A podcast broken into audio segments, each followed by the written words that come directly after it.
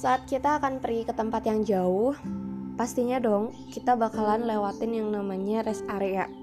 Terus kita mampir buat istirahat sejenak di sana. Ada yang ketika sampai di sana dia langsung pergi buat ke kamar mandi. Ada yang sampai di sana dia pergi buat nyari jajanan, buat sekedar makan. Ada yang sampai di sana dia langsung tidur-tiduran sebentar. Ada juga yang udah sampai di sana dia langsung pergi ke masjid buat sholat. Pokoknya macam-macam kegiatan banyak yang orang lakukan untuk melepaskan rasa lelahnya selama di perjalanan tadi. Nah, begitupun dengan perjalanan kehidupan. Ada saat-saat dalam hidup kita pastinya kita ingin tiba-tiba saja gitu berhenti. Ingin tiba-tiba saja menghilang dan tidak ingin dicari. Ingin merenung dengan dirinya sendiri dan ada juga yang ingin istirahat saja macam-macam ya berarti cara kita buat melakukan um, untuk menemukan rasa tenang itu gitu. Macam-macam cara yang kita lakukan di dalam hidup ini. Sehingga titik tenang itu yang kita cari dalam hidup. Yang kadang titik tenang ini sulit banget kalau kita nggak ngasih waktu buat diri kita sendiri buat ngerenungin kehidupan ini. Karena titik tenang itu bisa didapat ketika kita lagi sendiri kan ya?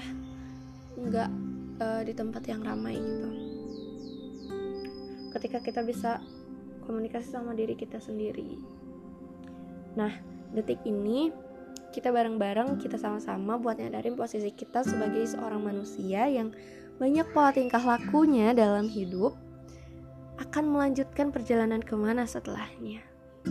Sebelumnya ada satu cerita ada satu pemuda yang usianya udah cukup matang buat bisa dibilang dia udah berpenghasilan gitu.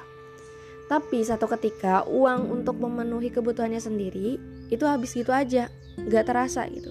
Dia bingung dong mau cari uang ke mana lagi, pinjam ke teman nggak mungkin deh, pinjam ke online gue takut nyentar riba juga gitu. Terus atau jangan-jangan mending pinjam aja deh ke ortu akhirnya dia putuskan buat minjem uang itu ke ortunya. Tapi ortunya bilang apa? Ortunya bilang ini nih nak mama ngasih aja sama kamu ambil aja pakai baik-baik uangnya.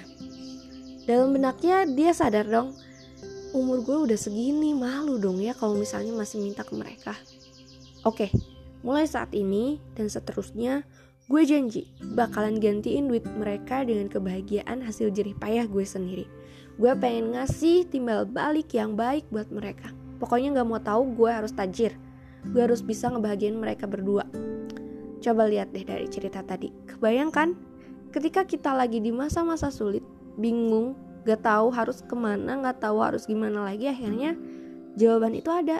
Ring, gitu kayak seakan-akan tring yang tadinya mau minjem eh tahunya jadi dikasih dan secara spontan kita pun langsung bertekad baik untuk menggantinya dengan kebahagiaan yang baik bagi mereka semampu kita.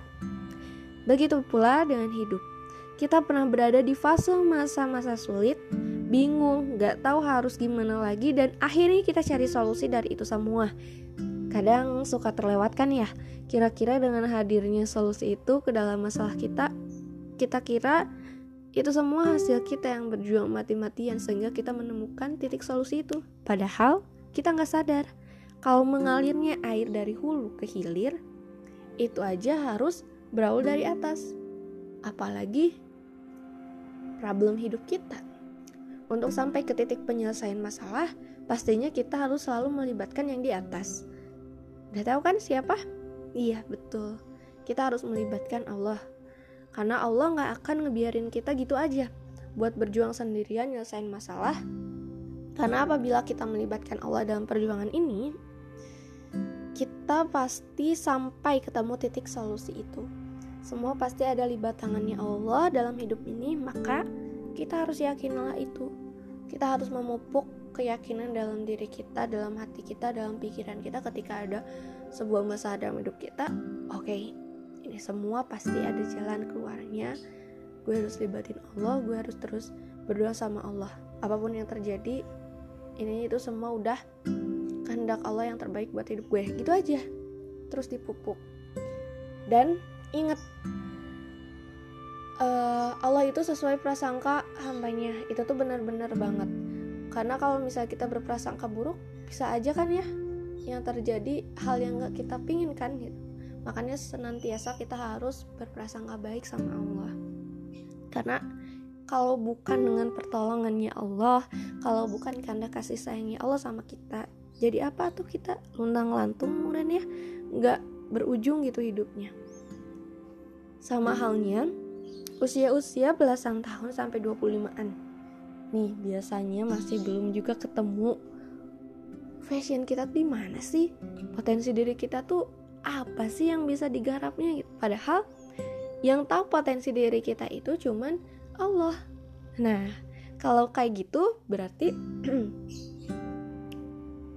libatkan Allah lagi ya. Karena kalau misalnya ditanya potensi lu apa? gitu. Kita kan pasti jawabannya nggak tahu bingung nggak tahu nggak tahu nggak tahu. Pokoknya nggak tahu mulu lah jawabannya. Iya nggak? Karena ya bingung gitu apa gitu? Potensi aku di mana gitu? Makanya kita harus senantiasa berdoa sama Allah minta petunjuk minta tolong biar kita selalu dibimbing sampai kita nemu potensi kita yang klik di mana. Sampai kita bisa berkembang dari potensi yang udah Allah kasih. Dan jujur pada diri sendiri juga potensi kita mau dimanfaatkan untuk apa? Potensi kita mau ditunjukkan pada siapa? Potensi kita mau membuat karya seperti apa? Coba deh. Dan terakhir Semoga kita nggak lupa lagi ya bahwasannya untuk melanjutkan perjalanan hidup kita harus terus-terusan terkoneksi dengan Allah. Libatkan terus-menerus agar kita tak melupa dan tak dilupakan olehnya.